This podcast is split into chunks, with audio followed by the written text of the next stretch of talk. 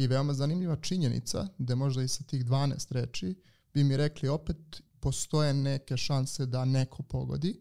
Mm -hmm. Međutim, ukoliko poredimo, broj kombinacija je zapravo približno jednak broju atoma u univerzumu da neko to pogodi. Tako da su šanse zaista, zaista minimalne. Neće se desiti. Da.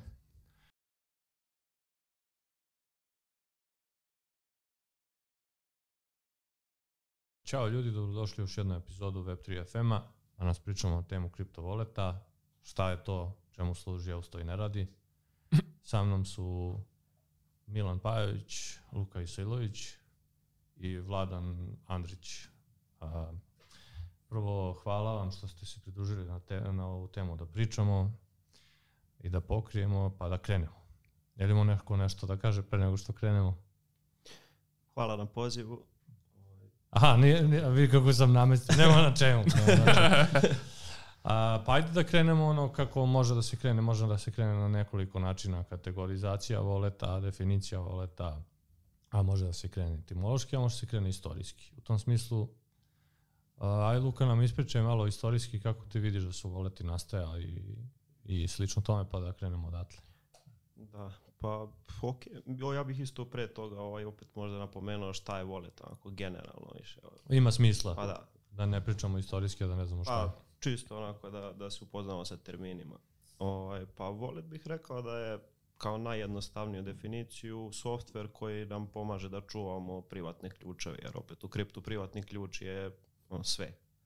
Ovaj, I sad, ovaj, naravno, kroz istoriju se to dosta menjalo i definicija voleta i šta je volet zapravo i sve to. Pa ovaj, vrlo zanimljivo na početku kad je se prvi pojavio Bitcoin, ovaj, uopšte nije postojao koncept samo da skidam Bitcoin wallet, nego skidam Bitcoin software koji je bio jedna, jedna celina koja je sastojala se iz voleta i iz ovaj, minera iz ceo node skidam praktično. Ovaj, to je vrlo dugo funkcionisalo kao tako iz razloga što je to bilo ok, software par gigabajta, ovaj, skinem za par minuta, updateuje se, ovaj, kad hoću da ga koristim, updateuje se par minuta dok skine nove blokove i to je sve funkcionisalo jer nije dosta ljudi koristilo ovaj Bitcoin u tom trenutku. O, je sad, kako je vreme prolazilo, dosta se tu ovaj, pogoršao user experience. Kao zamislimo danas da je to ostalo tako, kao ok, hoću da skinem Bitcoin, super, skinem 250 GB, ovaj, krenem danas i skinut ću ga jednog dana, kroz par dana. Sećam se, ovaj, jedan drugar mi šalje screenshot, on je nešto hteo da kupi Ether, svoje vremeno, ne znam, pre pet godina, e, i, skaša, i kao nešto neće da mi radi. Znači, ja kao, ajde, reci mi šta, kao, i on mi šalje screenshot uh, onog Mist brauzera Ethereum što je imao kao browser wallet, integrisan wallet u brauzera i full node. I onda ono tip je uključio i krenuo je da mu se sinkuje sa Ethereum. A, I da. otprilike kao ostalo mi još tri dana. pa da, pa Ja kao fazonu, ne, ne, kao, nemoj to da koristiš. I tako dalje, ono, nađi neki drugi wallet. U tom smislu kapiram da je to bio jedan od Pa problema. da, to je i gla, glavni problem ovaj je user experience, jer kao onda niko to ne bi koristio. Ovaj, onda se kao koncept pojavili ti takozvani light walleti, gde, gde imamo sad ovaj, da neko u pozadini drži node ili više nodova. Ovaj, sad idealno bi bilo naravno da, da to je to software takođe decentralizovan, jer ako imamo jedan node koji neko drži i svi se nakačimo na njega, to bi bilo ovaj, katastrofalno sa strane ako taj node hoće sve da nas a, pa da kažemo ovaj, da može na razne načine. Da, da. Može maliciozno, može i da nam ono da denial Da, of da nam da loše informacije, da nam da svašta nešto. Svak, dosta tu problema ima. Ovaj, sad bih tu rekao da je najbolji primer nečega ovaj, između je Electrum wallet. Jer opet postoji dosta, dosta nodova Electrum ovaj, koji rade po sličnom principu kao ovaj, sličnom principu kao decentralizovani ovaj, servis, a opet ne moram da skidam ništa, skinem mali software, par megabajta, nakačim se i mogu odmah da koristim wallet. To je, to je glavna prednost ove tih light walleta. Što je danas se podrazumeva, naravno. Danas niko ne očekuje da, da skida node, jednostavno to ovaj, nije danas Gde je što- trenutno stanje light walleta uopšte sa recimo u Ethereumu mislim da manje više znamo, ali u slučaju Bitcoina Pa isto stvar, isto stvar. Ovaj, mislim, sad, naravno, danas su to, ovaj, kako se zove, cross-chain walleti.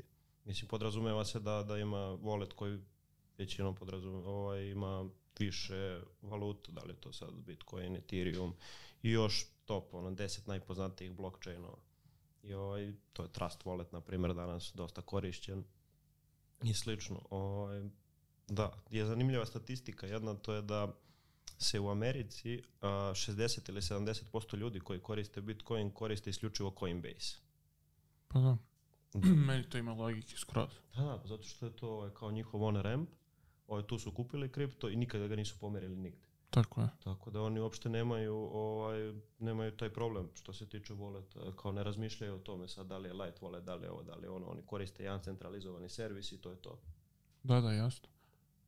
Meni je, meni je to zanimljivo, ovaj, jer meni to nije iznenađenje, u smislu, meni bi bilo iznenađenje da je tipa, koliko si rekao, 70% Prilike. da koristi, ne znam, uh, Hardverski malo. da, Ledger Nano ili, ili Metamask. Znaš, Bio bi u fazonu kosovi ljudi, to znači da ima jako malo, malo ljudi u kriptu kada su sposobni da koriste Metamask. Ali ajde, ajde da se vratimo na ovo što si rekao, postojala su neka korisnička iskustva koja su loša. Probamo da pobrojimo nekoliko. Ono, rekao si, prva stvar je to bila što nisi mogu se sinkuješ na nodu. Tako je, tako U je. smislu, nemate par dana, a zašto bi te bilo pa par dana? Uh, I onda dođeš, uključiš kompjuter i on krene da se sinkuje. Što bi značilo da ti moraš da ono, hostuješ, hostuješ uh, nod. Nod. I onda su ljudi krenuli da smišljaju druga rešenja. Ovaj, kao što je to da ti sad imaš neke ljudi koji hostuju za tebe nod. Šta još može da bude korisničko iskustvo koje je bilo tad loše? Rekao bih što se tiče ovaj, čuvanja privatnih ključeva, vrlo bitna stvar. Ovaj, kada kreiramo wallet na početku, očekuje se od nas da backupujemo na neki način privatni ključ. Ovaj, tu je došlo do BIP39 standarda koji ovaj, je to ovaj, pretvorio privatni ključ u reči, da kažem. To jest generišemo privatni ključ iz reči. I što je to bitno? Zato što se od nas uvek očekivalo da ne čuvamo to online, da ne, ne sačuvamo privatni ključ na Google Drive, da ga ne sačuvamo na računaru. I sad ovaj, kad bi pravili wallet, kao što je to bilo pre, ovaj, on je automatski čuvao taj file negde na računaru, pa su posle došli do toga da treba ipak da korisnici čuvaju ključ. I kao zamislimo da, da ti kaže, e, čuvaj ključ um, od 250 karaktera, ono, nasumičnih, kao, ajde polako ga piši na papir. Mislim, niko to ne bi radio, samo bi uhvatio telefon i slikao bi ga. A misliš da je drugačija re, uh, stvar sa rečima? Pa jeste, mislim, opet, do, dosta ljudi... Mislim, ovaj, pitam. da, za da, većinu ljudi, ja pitam kao korisničko iskustvo, da sad ljudi uzmu i kao... Korisničko iskustvo sigurno dosta bolje, jer kao reči su nama prirodne, nešto što, što možeš da zapamtiš, nešto što ovaj, možeš lako da zapišeš. Ne znam, ako ne moraš kao da, da toliko pratiš, kao pročitaš reči i zapišeš i ne moraš sad kao da li je to A7, 1, B4, nešto nasumično, pa onda proveravaš svaki karakter, da li si lepo zapisao i sve. Dobro, komprimovali su problem u tom smislu što ne moraš da pamtiš nasumično, nego možeš da ono neke reči koje su podložne. Imaš uh, definisanu listu reči i samim tim ako i pogrešiš slovo, ako znaš koja je reč, možeš to da ispraviš. U smislu važno je samo da nekih 12 stvari ubodeš koje su predefinisane i da možeš da ih nađeš. To su reči. Mene to uvijek zanimalo, a, a vi ste inženjeri, a ja nisam, pa mogu to da pitam. Ovaj, Za, da zašto, da li može četiri reči da bude dobro? Znaš, četiri reči ću da zapamtim, 12 moram da zapišem. Naravno da može, samo što četiri reči ja mogu da ovo izvrtim za čas da, da nađem vole. Pa to to, za, zašto smo došli do toga da je standard 12. 12 Da, reči? imaš tu i ovaj, kako se zove, drugi aspekt, a to je da kad generišeš privatni ključ, on ima određenu dužinu Mhm. ovaj, karaktera i sad pitanje je koliko ti tu možeš da spakuješ.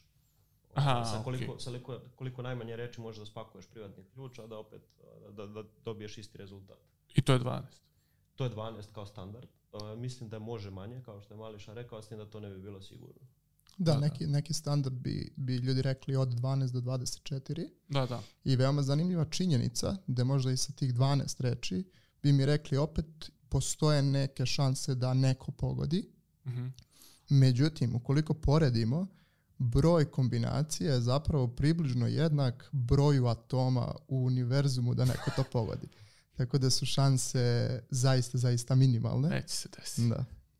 Ima, ima fazon, uh, postoji koncept koji se zove Vanity Wallets. Ovaj, Vanity Wallets bi bio, ili Vanity adrese u stvari, ne wallet, nego adrese, su adrese koje tipa počinju sa 3 nule ili na neki način ja ga navinklam da krene da, pot, da ono, da im, Da liči kao, na nešto kao tvoje. tablice koje sam platio. To, znaš, to, to. tako je Vanity adresa je pre pojave NS-a kao koncepta je bila zanimljiva. Ja sam bio u fazonu da li postoje ljudi koji su toliko tašti da uzmu i od ovih a, koliko ima ukupno u BIP39 standardu uh, ovih engleskih reči, ima ih uh, negde oko dve, 2048. Da. I od tih 2048 su smislili rečenicu koja je ono na nivou ima smisla i kao prosto su to zapamtili i to koriste. Bio sam u fazonu, mogli bismo da sad uposlimo malo AI, da traži neke smislene rečenice u ovih 2048 reči da vidimo šta se krije za tih voleta. I onda ih prodaješ.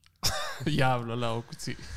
Kao, ne to, da, da, tako nešto. Tako da bio sam u fazonu, možda, je, možda da se nešto zanimljivo napravi sa ovim, sa Evo. 2048. a jel može to? Uh, mislim, jel može tehnički da ja sam izaberem reč od Naravno. tih?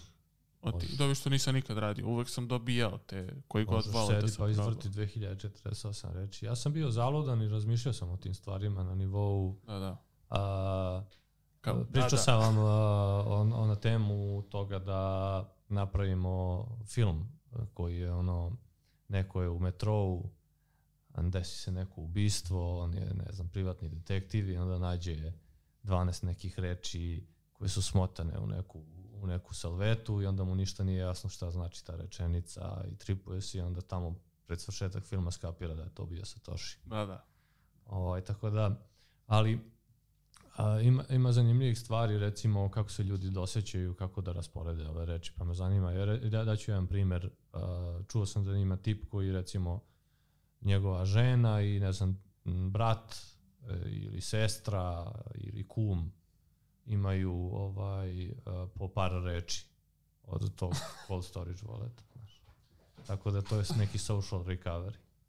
Pa Ne znam da, da, ste imali priliku da čujete neke takve zanimljive ovaj, Ja nisam čuo ništa, ali sam, za, mislim, Ne smemo da kažemo. ne smemo da kažem, ali sam razmišljao baš dosta o tome. Pa više mi je bila glavolomka a na nivou korisničkog iskustva kako trenutno korisnici, znaš ono, ima ono da definišeš kako, šta je korisnički problem. Korisnički problem je očigledno kako da čuvam sit. Tako je. Jer ako ti uđeš u paranoju, a ako imaš wallet, ući ćeš vratno u paranoju ili ćeš koristiti Coinbase wallet, ali ako si krenuo na stranu sida, ono, seed phrase-ova, Tako. To znači, uh, ima i Coinbase svoj wallet, onaj Coinbase, uh, zove se Coinbase HD Def. wallet. Mislim da se zove Coinbase Wallet. Da, tako se zove i to je ono hierarchical deterministic wallet, uh, HD wallet. Možemo ono posle šta je HD wallet, ne, tamo, da ne, ne ulazim u tu digresiju.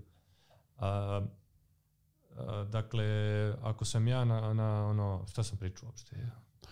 Izgubio sam sad sa Pa za mnemonike, kao kako ljudi ih... Uh, E da, ako nisam otišao i koristio Coinbase centralizovani wallet ili neki drugi, a nego sam se odlučio da idem u fa, frazu SIDA, a, u, u pravcu SIDA, on, on, on vole, svaki vole će mi reći obrati pažnju, ovo nemoj ovako, ovo nemoj onako i radi ti, onda si ti u fazonu. deću ga. Ja mogu i da stavim papir negde koji će da mi ono izbledi ili da ga izgubim ili bilo šta. Pazi, ja u tom sam- smislu mi je zanimljivo sad kao korisničko iskustvo trenutno šta se ljudi dovijaju, da bude dovoljno bezbedno, s jedne strane, s druge strane da ne bude a, da ode u pravcu da više ni ne znaju gde su to stavili i ko je u, i ili ovaj da li će sutra da se razvode. Ja, ja sam ovaj prodao jedan, mislim prodao jedan, prodao sam auto svoj stari u kome ima na jednom mestu cijel moj seed phrase za Metamask. Zato što sam zaboravio pre prodaje da ga izvadim, ali znaš kao, znam i dalje gde je to mesto. Da, da. Ovaj, ako gleda što je kupio, ne verujem da gleda, ali ovaj, Ovaj, zanimljivo sad šta su ovaj, smislili za čuvanje sad tih sidova, šta je Mm. trenutno praksa, to je da se kupi ovaj, metalna pločica kao, Dobro. sa, sa malim metalnim slovima i ti onda ideš, pošto isto je zanimljivo za reči kad su smislili ovaj, BIP39, to ovaj, nisu nasumične reči iz rečnika, ovaj, bitno je da a, sa prva četiri slova ne, ovaj, ne može da postoji reč koja imaju ovaj, posle različita samo dva. Dobro. kažem posljednja dva. I sad, ovaj, znači svaku reč mogu da okarakterišem sa prva četiri slova. Ne moram kao da tehnički da pišem i cijelu reč. I ovaj, šta su smislili, to je da kupim male metalne, ovaj, ma- male metalne Mhm. slova i da ih slažem polako na metalnu karticu, to zatvorim i to je kao otporno, ovaj, neće da propadne, neće da otporno od požara i slično. Ja mislim da trenutno rešenje sidova nije dovoljno dobro. Reći vam što. Zato što uh, ovaj trenutak nikako da se reši. Jer ja mogu da smislim da je ta metalna pločica, ok, neće da izbledi, ali će neko naći. Ovaj, To će izgubiti. a ono, to je kao da držiš, uh, prosto zašto ljudi drže pare u banci između ostalog. Ono, Tako je. nije samo zato što uh, ne znam, mora tamo da im legne plata, nego zato što su nastale, zato što su bezbednije tamo na kraju dana. Ovaj, makar smo tako mislili. Ali to je kao ideja, kao šta rešavaš. Manja šansa miševi da ih pojedu. Ma, pa, pa smanjuješ neke rizike, povećavaš neke druge. U tom smislu, kroz sidove smanjuješ neke rizike, ali povećuješ ne, povećavaš neke druge. I svaka vrsta nekog sada komprimovanja sidova u nešto još manje je prevodiva. Znači, ono, na nivo. Ti možeš da napraviš još prevodilac da neke brojeve pretvaraš u te reči, ali i dalje ono, kogod ima razuma naći će i dovoljno volje naći će šta to znači jer će da postane i to standard. Znači moraš da napraviš neki svoj standard što je veliki sad problem na nivou i security ima ono na obfurskacija u security je loš pattern. Znaš, kad obfurskuješ odnosno kad eh, pokušavaš da napraviš da je nešto nečitljivo algoritamski a, to je kao loš pattern, bolji pattern je transparentnost, kao signal. Signal je ono a, transparentan algoritam koji je neprobojiv, ovaj, to jest a, protokol. U tom smislu me, ja, ja bi nominuo ono da je SID veliki problem generalno, zato što i- ako imaš opciju centralizacije ili SID-a, ja sam zbunjen. Ovaj, nijedna mi ne odgovara. Znaš, obe imaju velike mane. Centralizacija je ti, no, ono, not your keys, not your coins, a seed je a, tvoji coini i izgubit ćeš ih. O, Sva je verovatnoća. a ono, kao da. Da, Ne, ne, mislim da je previše spušteno na svakoga. Da, znaš, ako krenemo pričamo o, o tome koji je standard da čuvaš seed phrase, onda smo dali ono scenarij, znaš, većina ljudi će onda da koristi te neke predložene mere, onda svako neko ko je ono mališa sektor u tom sistemu ima lepo plan šta da napadne, jer kao već smo pričali o tom. Vezano, vezano za to, ovaj, dosta ljudi, znaš, ono kad tek počinje ovaj, da se bavi kriptom, treba ovaj, dođe do pitanja koji ja vole da koristim, da li samo da ga držim na exchange-u ili da ovaj, baš kao da se cimam s tim, da li ja da čuvam taj seed, gde da ga čuvam, kako da ga čuvam, kao lakše mi je samo da napravim nalog neki i da to bude tamo sve. I sad tu ima ovaj zanimljiv, zanimljiva paralela vezana za sigurnost svega toga, jer kao tehnički gledano, kad bi gledali ovaj, samo šta je sigurnije, to bi bio realno exchange, jer kao oni imaju toliko ljudi koji se bavi time, inženjera i slično, Mhm. ali ovaj, takođe predstavlja i veći, veći, veću metu za hakere. Dosta ljudi o tome ne razmišlja, jer ovaj, kao ako ja sam držim za sebe, mala je šansa da će neki haker baš mene da targetuje, da, da targetuje moj sistem i slično. Međutim, ako dosta nas sa relativno malo novca stavi to sve na exchange, to postaje jako zanimljivo, ovaj, zanimljiva meta. Ovaj, mislim, ja sam siguran da sad u, u ovom trenutku dosta, ko zna koliko ljudi pokušava da probije Binance, na primjer, ili slično. Da, ja mislim da, da ovaj, jedno vreme sam razmišljao na temu šta bi to bio idealan wallet a, što se tiče sigurnosti i baš kao što si rekao, znači s jedne strane imamo velike sisteme koji su sigurno napravili sistem koji je sigurniji od sistema koji ti koristiš, od tvog telefona, od eh, tvog brauzera, ali s druge strane si im u potpunosti dao coine. E sada, eh, razvojem tehnologije eh, nastaju rešenja koja zapravo ti možeš deo tvog takozvanog privatnog ključa da daš organizaciji koja to može da a, drži na sigurnom mestu, a deo da bude kod tebe. I tim, mož, tim možeš da dobiješ zapravo jedan, jedan nivo ispod a, sigurnosti, odnosno duplo veću sigurnost, a to je da bi a, neko došao do tvog novca, mora da hakuje i tebe i tu organizaciju. I zapravo organizacija može da čuva a, i pravi taj dodatni nivo sigurnosti za tebe i pored toga da ti da sve dodatne fičure koje nama daju centralizovane a, aplikacije. To ti kao sef u banci u kome imaš samo po pola novčanice. Da. Je to neki, po- pola jel misliš novčanice neki? MPC ili... Da, da, da. Sada se znači nastaju, nastaju rešenja a, koja i za end usere, odnosno customere, prave neku vrstu MPC-a, odnosno distribuiranog a, deljenja privatnih ključa između dve organizacije, da ti kao korisnik na kraju dana u potpunosti imaš self-custody nad novcem, Mhm. znači ta organizacija ne može da pomeri tvoj novac, A možeš ti da pomeriš? A, da, da. A, u smislu ti možeš i ono što je jedina važna stavka na početku i opet je single po- point of failure jeste da ti moraš da uradiš backup. A, backup inicijalni. Ali ono što je Mhm. dobro i što ti nemaš na walletima koji su isključivo kod tebe kao što su, kao što su Trust Wallet ili možda Argent, a, jeste sve stvari koje tebi pomažu i zapravo ti pružaju UX koji je bliži, bliži bankovnim aplikacijama kao što su e-mailovi, kao što su policy, kao što su pravila a, blokiranja ukoliko, ukoliko aplikacija prijavi da si ti uradio login sa drugog kontinenta. Mhm. To je nešto trenutno što MetaMask nije tako lako u mogućnosti tebi da omogući, dok te aplikacije jesu. Znači, te aplikacije koje može da ti osigura svim stvarima i razvojem koje su, koje su banke uložile pret, prethodnih vratno 50 godina, a, da ti pomogne a, sa tim, gde zapravo a, jedina druga stvar sa kojom ti imaš problem jeste to ok, ali kod koga je moj novac?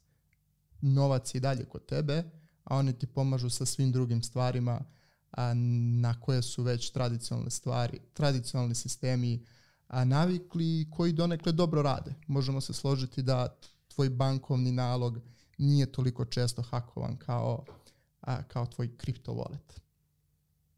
A, ima jedan, a, ću biti malo politički nekorektan, a ima ne, neki podcast sam slušao, znaš, i sad si me malo podsjetio, mislim, nisi to o tome pričao, nego me samo podsjetilo, vezano je za centralizaciju i pomeranje novca, jer imaš nekoliko nekoliko use case-eva zašto je bi ljudi davali centralnim organizacijama da im na neki način drže novac. Jedan je bezbednost, i moguće i pitanje je koliko je taj case jak i koliko je nerešiv na neki decentralizovani način kroz social recovery koji recimo Argent radi podsjeti se Ladene kasnije da ispričaš malo o tome ako se O Argentu. da Može, može. ovaj ali da ne ulazim sad u to uh, nego da na neki B, B2C način to se rešava kao kroz komercijalne banke. I drugi case pored security bi bio uh, kamata odnosno um, upošljavanje tog novca. Kamata na razne načine, može da bude investicija. I onda sam se setio ono Black Rocka i te priče koji su napravili indeksne fondove zato što su bili u fazonu a, prosečni trader a, istorijski gledano a, je uvek lošiji od market performansa i otprilike majmun kada traduje istog efekta kao prosječan trader. I sad možemo da pričamo da li je to tačno ili ne. I onda je meni a i onda su napravili indeksni fond gde su ljudi masovno ubacivali pare i sa korisničkim retail parama, tako da kažem, i nekih drugih velikih fondova, ali ne sa svojim, su onda ono take-overovali beskonačno stvari. I mi tome svedočimo a, i, u, i u kriptu. Ono, klasičan primjer je bio tako što je Binance centralizovane Steam novce dao ono Justin onom Sanu, kako se zove, tip, Mhm, mhm. koji je take-overovao uh, Steam ako, ako znate za tu priču. Delegate proof of stake, tip je dobio centralizovan, iz, od centralizovanih menjačnica gomilu novca koji su ljudi stakeovali tamo i onda je ono ušao i kroz governance promenio protokol. Ovaj suštinski i ono gomila ljudi se pobunila, ali je ono, on to mogu da uradi isključivo zato što su menjačnice ono, korisnički novac njemu dale. A, I u tom smislu to je neki strah od centralizovanih voleta a, i, i zato sam te pitao na nivou da li korisnik može da pomeri pare bez njih i da li oni mogu da pomere pare bez njega. Ako oni ne mogu da pomere pare bez njega, onda mi je jasno a, da nemamo ovaj problem po defaultu, osim ako ne optinuje. Ne znam, Da, to tako, dobro tako. Jeste, jeste, upravo to, upravo to. Znači, a, organizacija, kompanija koja to provajde u nijednom trenutku ne može da a, pomeri novac bez korisnika. I ono što je mnogo dobro jeste da zapravo ta organizacija ni u jednom trenutku ne dolazi u dodir sa delom privatnog ključa korisnika. Tako da zapravo korisnik ne, može, ne mora da se oslanja na poverenje organizacije da ona zapravo neće to uraditi, nego u tehničkom smislu ona to ne može da uradi.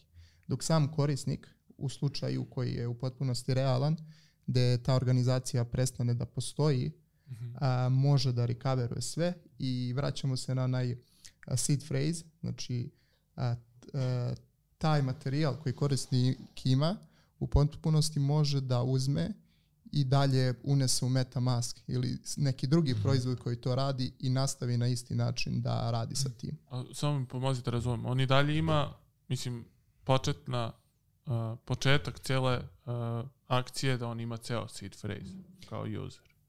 I sve vreme mora da ga čuva za slučaj da ovi čuvari polovine sida ovaj, propadnu ili šta god, izgube. Znaš i šta, je- znaš šta je isto bitno kod toga? Ovaj, bitno je da niko na početku nema ceo ključ. To ovaj, niko nikada, na ovaj, kad prilikom generacije tih delova ključa nema ključ u celini pa se on kasnije deli, znači to nije slučaj. Aha, e pa Da, to, e, to, pa to, da, da, to. da, to nije slučaj, znači ključ se isto generiše tako što ovaj, svako napravi podelić.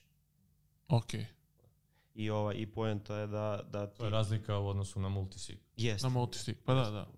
Ovaj, pa i slično je, ali opet to, to je ovaj, razlika što ne radiš nikad sa ključevima, nego sa delovima ključa. Ovaj, I nikada se ključ ne nalazi u memoriji prilikom generisanja i prilikom potpisivanja transakcija. Kako, ovaj, je, kako je trenutno stanje MPC-a? Šta tu sve postoji? Ja nam ispričao. Pa, ajde, prvo bih ovaj, se možda, možda bi se prvo osvrnuo na multisig kao ovaj, nešto jednostavnije dosta. Problem koji rešavaju. Da, da, za, zašto, je, zašto je izmislio, mislim zašto je nastao multisig? Ovaj, šta je multisig uopšte? Uh, pa prvo kod voleta, običnih, koji su, ono, kažem, standardni, imamo jedan privatni ključ i jedan javni ključ. Da bismo napravili transakciju, potpišemo je sa našim privatnim ključem, ovaj broadcastujemo na blockchain i to je to. E, ovaj, sad tu se naravno ovaj, javlja sad taj problem oko sigurnosti što smo pominjali, da ako neko dođe do mog jednog privatnog ključa, to je to, ima moj wallet. I ovaj, druga stvar je da ako ja izgubim taj ključ, opet nema wallet, ako mi se nešto desi, opet nema, nema niko da to recoveruje i slično. I ovaj, tu se pojavio prvo multisig kao rešenje za sve te probleme. Da ovaj, napravimo da više privatnih ključeva ovaj, učestvuje u generisanju jednog, jedne wallet adrese i da isti više privatnih ključeva učestvuje u potpisivanju transakcije za tu adresu. Ovaj, šta su to neki praktični primjeri? Recimo, ovaj, baš ovaj, za, kad bi koristili za privatne volete, recimo da ja hoću sa ovaj, nekim s kim kome verujem, da napravimo wallet za mene i da kažem ok, nas dvojice ili dvoje smo napravili jedan wallet, ako se neko, nešto meni desi, ti možeš bez mene da pomeriš i ja mogu sam ovaj, da pomerim isto kripto bez tebe. To je jedan od dva multisig. Ili ako bi koristila firma, recimo da, da hoće da, da ima jedan ovaj wallet za, za firmu, ali da neće da jednom čoveku da ovaj, da veruje sa tim ključevima i onda napravi, na primjer, multi, ovaj multisig wallet gde je potrebno bar dvoje od pet. Pa, da, multisig je koristan za organizacije, ne samo Jeste, za security, nego i za organizacije. Da, tako je, tako je, za organizacije, ovaj, da bi, čisto da jedan čovjek ne bi imao kontrolu nad uh, ovaj, novcem organizacije, što je, na primjer, ovaj, što bi bila jako loša praksa. E, sad tu ima dosta problema, baš što ovaj, kad pominjemo za organizacije, to je da svaka multisig transakcija ovaj, možemo da vidimo na blockchainu da je zapravo multisig transakcija. Možemo da vidimo koliko ljudi je potpisalo, koji je ovaj, threshold, odnosno koliko treba da potpiše i slično. I sad baš to kod uh, voleta za organizacije, ovaj, neko može da vidi, ok, znači organizacija koja ima volet koje čine tri člana i potrebno je bar dva od ta tri da se da Mhm. učestvuje u potpisivanju. To je jako loše sa ono sa stanovišta bezbednosti jer kao ako ti znaš kako se neko brani, možeš lako da ga napadneš. Ovaj sad ovaj i tu dolazimo do NPC-a koja je no, real, mislim relativno nova tehnologija e, sa kripto strane, inače prilično stara koja ovaj, gde je suština da, da više ljudi. Manje više sve u kriptu je dosta staro tehnologija. Da, to je- to je vrlo- vrlo interesantno. Kom, komponovano na drugačiji Tako, način. mislim, dolazi do nekog novog use case od stare tehnologije. Ovaj, I fora je da imamo više nekih ovaj, partija, odnosno ovaj, korisnika koji učestvuju nekom kola, kola, kolaborativnom metodom ovaj, u potpisivanju, generisanju i slično. Sa jednim privatnim ključem. Znači imamo jedan privatni ključ koji je ono, podeljen na više članova. Mhm. Ovaj, šta, je, šta je tu sad, ovaj, zašto, zašto je to bitno? Koji su, koji su, izvini, vratite, vratit ću se, koji su hardverski prerekviziti za MPC? Za, za multisig je prosto, isto kao i za bilo šta drugo. A za MPC, ali moraš da imaš neku specijalnu mašinu ili... Pa ne moraš, to je, sve, to je čisto software. Ovaj, ne Znam moraš... da nešto oko mobilnih telefona je problematično. Ovaj, Jeste. Mislim, to je problematičan use case ovaj, Mhm. što se tiče mobilnih telefona, a to je da, ovaj, opet ono kako što kažemo, taj proces ima više tih krugova između ljudi i sad eh, to je problem sa mobilnim telefonom je što on je, na primjer, sad je kod mene u džepu zaključan. Ovaj, ako bi neko pokrenuo tu ovaj, transakciju, moj telefon jednostavno nije... Nije dostupan. Da, nije dostupan. Za ne tebe. Tako je. A jeste malo za, za neke organe. Tako je, tako je. Da, kao ja, ja nije dostupan, ono, ja ne mogu mu ništa, ali neko drugi možda može. Ako si bitan, onda je da, da, tako okej. je, tako je. Ali Znači to MPC je malo- može da radi tad. Može, Može da, može samo ono lošije. Jasno. To, to je glavni problem. Ali ovaj, šta, je, šta je benefit, a to je da transakcija izgleda kao svaka druga transakcija. To je ono, normalno. Ovaj, ne, totalno na blockchainu, kad bi gledao na Block Exploreru, ovaj, ne bi mogao da primetiš ovaj, razliku između MPC transakcije i normalne transakcije. Ne znaš da, koliko ljudi potpisivalo, ne znaš ko je, koji je threshold, ne znaš apsolutno ništa o transakciji. Tako da sa ovaj, priva, sa stanovišta privatnosti bezbednosti to je jako dobar benefit. A drugi benefit je što je to ovaj, jedan layer ispod o, ispod e, implementacije specifičnih Mhm. ovaj, coina, blockchainova. Znači, ne znam, na primjer, Bitcoin ima multisig, Ethereum nema multisig. Ethereum to sve rešava kroz smart contract. Oni su rekli, ok, možeš da isprogramiraš šta god hoćeš, ako ti želiš da to bude multisig, ti ga isprogramiraj. Bitcoin ima svoj standard, ovaj, neka druga kriptovaluta ima svoj standard, međutim, to je sve različito. A MPC radi na nivou ispod, znači radi sa kriptografskim ključevima, tako da isto je za sve kriptovalute. Što je jako dobro ako bi neko hteo da implementira dosta I, i trenutno se MPC koristi gde najviše u, kontekstu Web3. Ili ti Pa najviše ga koriste institucije, rekao bih. Mislim, većina, većina exchange-ova na Binance, Coinbase i slično, oni su javno izašli i rekli da mi to koristimo u pozadini. Korisnik to ne vidi, jer opet mi ne znamo kako oni čuvaju naše privatne ključeve, ali da, koriste to u pozadini institucije, to koriste uglavnom. Custodiani, walleti, da, exchange-ovi. Znači ti walleti. neki business walleti nazovi. Tako je, tako je, da. Pa rekao bih enterprise, onako, jed, jednom reću. Enterprise e, i tu je dosta prisutan kako sam skapirao. Fireblocks, Tako je. Fireblocks kao neko ko daje a što si, izvini, Da, pa daje tu tehnologiju drugim, ovaj, kao drugim enterprise jer logično je da kad bi neko hteo time da se bavi, neće to, neće da sedne i da to razvija od nule, jer nema potrebe. Lakše je samo kupiti nešto ovaj, nego razvijati od nule. A što se tiče tih research centara, ovaj, recimo mislim da Zengo je nešto tu. Jeste, jeste. Ali koliko ima, koliko je centraliza, kad gledaš na Kamoto koeficijent, ano, na nivou koeficijent decentralizacije za blockchain, ali ajde da ga primenimo za ovo. Koeficijent decentralizacije za MPC. A, ti tu imaš kao jedna od bitnih stavki je broj programera koji kontroliše codebase. Koliko mi tu imamo codebase-ova, a, ako znaš i e, koja je to skupina ljudi, odakle su, šta su, ko su ti? Da, pa tu bih opet ovaj, razdvojio kod od eh, tehnologije, jer tehnologija je ovaj, javno dostupna kroz research paper, jer to nije, nije nešto što je nastalo kao rešenje za kriptovalute Mhm. generalno, nego je nastalo u kriptografiji kao koncept. Tako da svi ti research paperi su dostupni javno, nema nikakvih, da kažem, patenata, nema ograničenja, nema ništa slično. E sad, ovaj, postoje open source rešenja koja su implementiraju te, te research papere.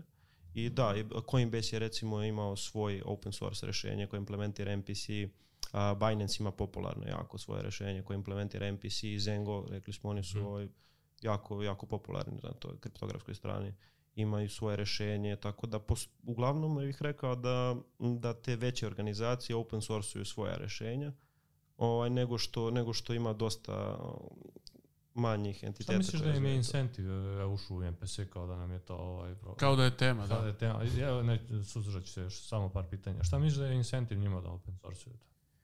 Pa, Jel misliš da je čisto, da, daću primjer, Loopring svoje vremeno za Rollup a, je bio aktuelan za ZK Rollup jer je bio prvi ZK Rollup, ne znam ni gde su sad. Ovaj, I oni su open sourceovali, rekli su da, su on, da je Loopring protokol ZK Rollup i open sourceovali su neke stvari. I onda smo mi imali u jednom trenutku sastanak s njima da koristimo njihov ZK Rollup rešenje, da na njemu napravimo neki pandan Uniswapu ili ne mogu se setiti više šta smo hteli da napravimo. Ovaj, I onda smo imali s njima, ja sam uradio research njihovog codebase, bio sam u fazonu fali mi C operator.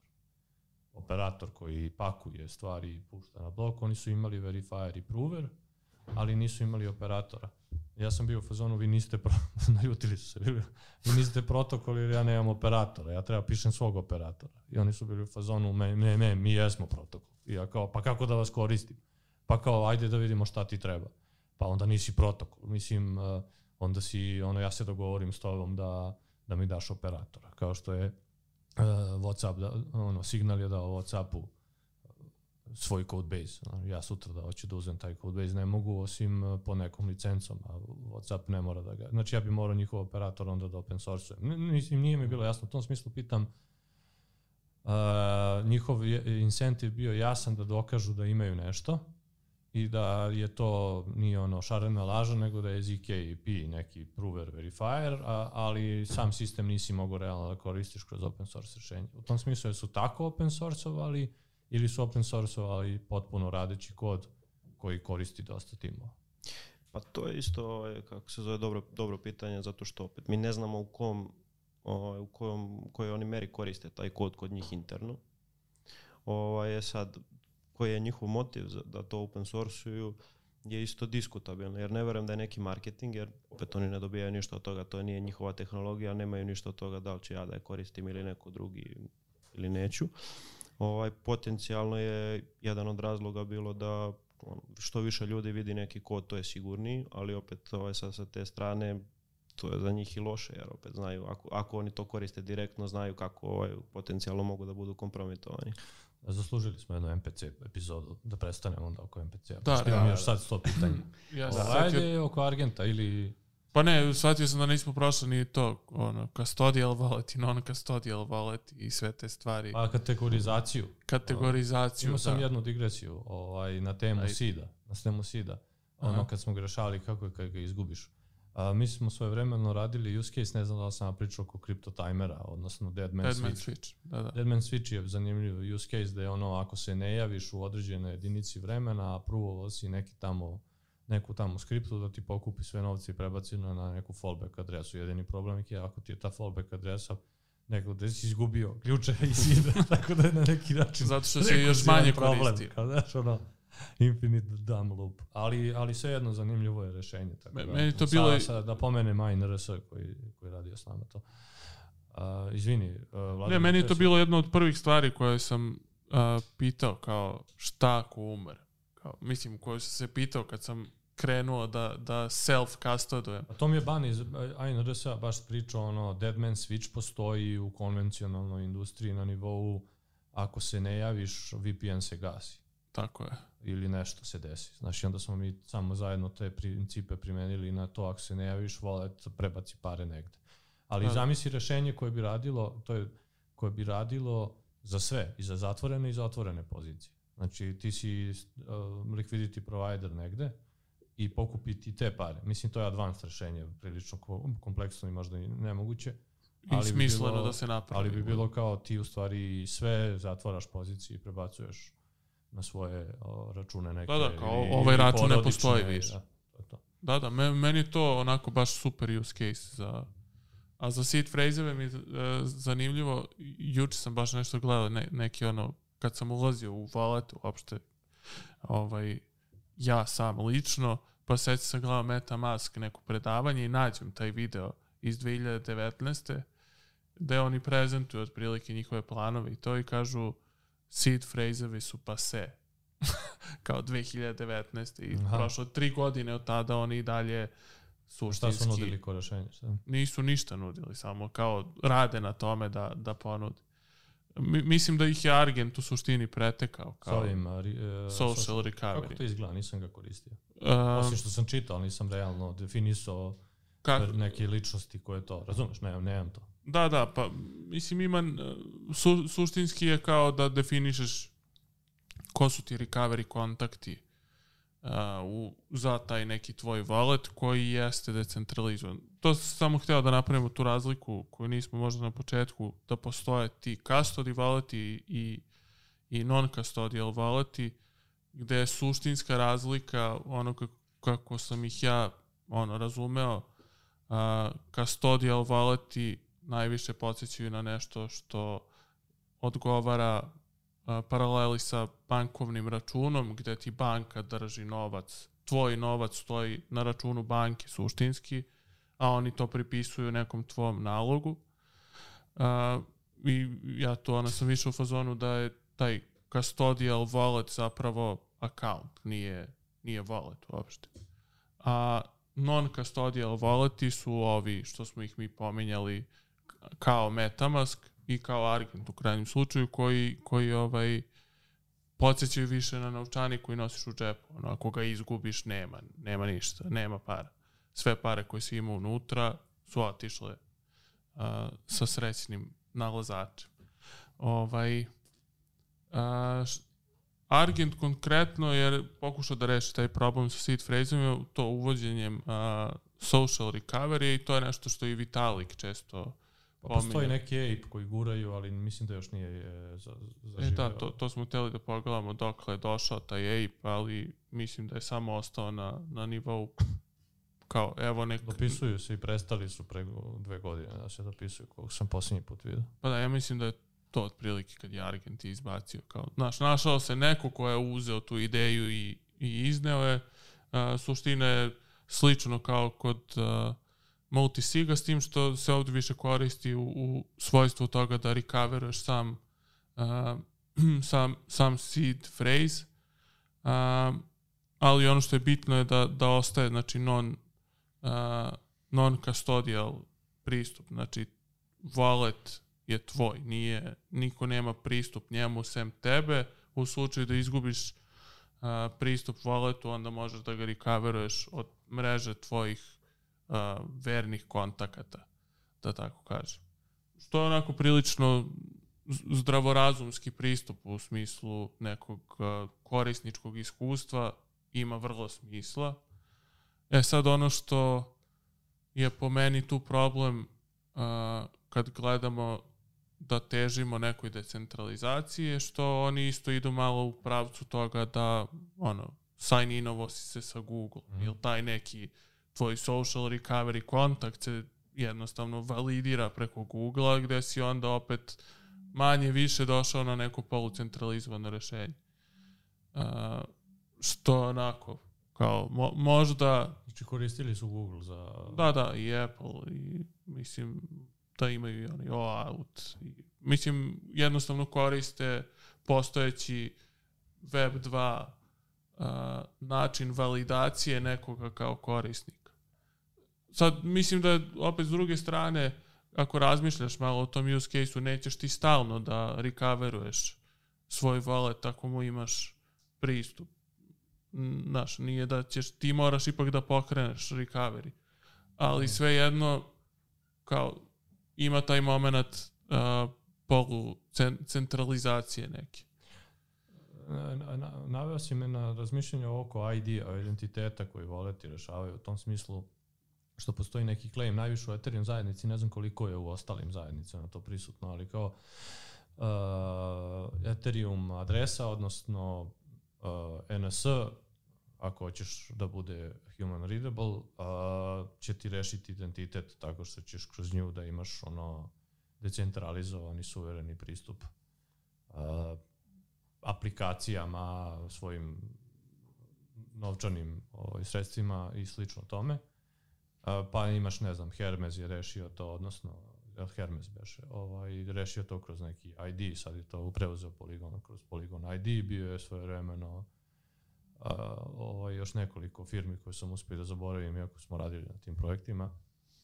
Ovaj, u tom smislu mi je interesantno da onda kažeš ali ako ti to pukne možeš da fallbackuješ na centralizovan na, na centralizovan. Nisam siguran kako to da shvatim.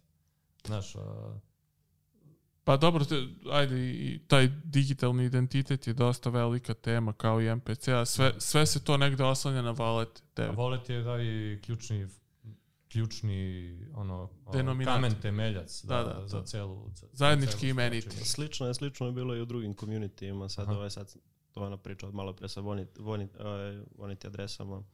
To je ovaj, bila popularna ovaj, na Bitcoin Talk forumu koji je bio ovaj, Mhm. pre.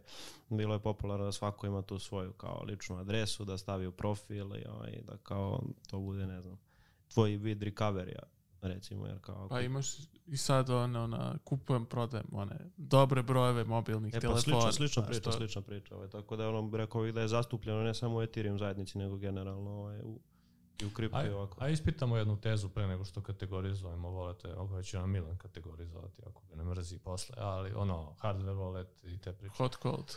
i s- neki svoj osvrt na to. Ovaj, oko spema, uh, pričali smo i ranije, ali ajde sad da ovaj, prodiskutujemo ponovo.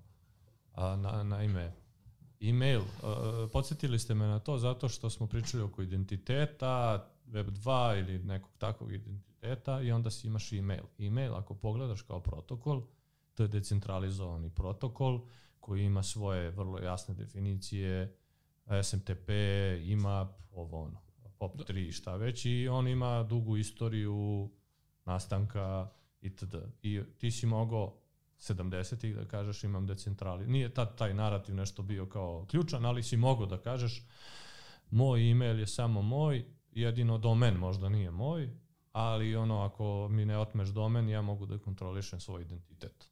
Ok, ali tako što ja imam svoj mailbox, moj server, a, moje sve. A, I na neki način danas on funkcioniše kao, uvek se vraćamo na to da ti je konačni web identitet email Jest. na kraju dana. Uvek ćeš defaultovati da ono neotuđivo tvoje pravo je email. Ne znam kako da, ono, stvar na koju ćeš uvek Pa fallback. Ne, ne, to ti je neki digitalni identitet. I onda braniš email na hiljadu načina, kroz Jeste. razne faktore osiguravanja i fallbackove i slično. Ovaj, I sad, uh, jedan od problema, i sad, znači imaš, ne, on je sad de facto decentralizovani protokol. Email kao takav se svodi na nekoliko firmi koje ga kontrolišu. Gmail, Microsoft i još par. Ne znam ko koristi ovaj Hotmail. Yahoo. Hotmail. Ja sam imao Hotmail. Nema više, Outlook je sad. Ovaj, u svakom slučaju, dakle, on je centralizovan i postoji par razloga zašto je centralizovan. Jedan jeste to, kao niko ne želi da ovaj se bavi održavanjem svojih servera. Ajde se vratimo na ovu wallet priču. Niko ne želi da drži svoj nod, zato što će to mu to bude pain. Onda šta je drugo? Niko ne zna da brani do kraja ovaj security. I jedna stvar koju možemo, koju bi volio sada prodiskutujemo je uh, odbrana od spema i sličnih stvari. Uh, veliki problem ono, u email protokolu je spam koji je nastao tako što bilo ko je mogao da ti pošalje bilo šta i ti si ti morao da se baviš time tako što ćeš ili da ne pročitaš ili tako i onda si krenuo da praviš spam filtere, anti-spam filtere, bla bla bla. I ono po defaultu ako pogledaš bilo koji email server, uh, odnosno servis, on će ti davati neku uslugu za spam koja će biti bolja ili lošija. Ono, ajde da kažemo da Gmail ima dosta dobro to a, rešeno. Neki bi to doveli u pitanje. A, ali to nas je dovelo do toga da po defaultu ovaj, Microsoft recimo ne prima self-hosted rešenja tako što ti hostuješ svoj email i onda pošaljaš na Microsoft, on će to samo da rokne u spam. Tako da na, de facto ti si, decen, ti si decentralizovani protokol centralizovao između ostalog zbog spama. Konačno. I zato što ni, sad nije fazon da ti možeš da self-hostuješ email. Sad ti više ni ne možeš jer ako šalješ email on ne ode nigde. Znači ti si pre mogao da imaš makar argument pa ti ako hoćeš to možeš. Sad nemaš više ni taj argument. U tom smislu pojavljuje se sve više tih nekih tokena koji te spamuju na Ethereum recimo, do, dolaze ti neki neželjeni tokeni. A, I trenutno je to jako malo jer je ono tržište malo, ali mogu da zamislim, ono, long tail funkcija proradi i ti dnevno dobiješ 10.000 nekih random tokena na svoju adresu koji te pozivaju na ovu žurku ili ne znam šta. E, I onda da završimo ono, gde centralizovano ili ne. U tom smislu, nemam pojma, Milane, koji bi ti bio osud, kako bi se to moglo rešiti, odnosno da li može da nas odvede u centralizaciju i koje su ti ideje, na, gde to ide? Da, da. To, je, to, je, to je dobro pitanje i mislim da imamo jednu veoma dobru paralelu a, sa tim kako može da se reši i kako je zapravo to rešeno. Imali smo slučaj a, Tornado Keša, protokola koji je sam po sebi davao privatnost transakcija na recimo Ethereum mreži i jednostavno se to se, to se nekome nije svidelo i odlučio da, odluč, da ugasi taj projekat. A šta se tu desilo gde mi krećući negde od teze da niko to ne može da ugasi iz razloga što se dešava na Ethereum blockchainu. Na Ethereum blockchain svako može da pošalje transakciju koja će na kraju dana biti potvrđena i ta akcija će se desiti.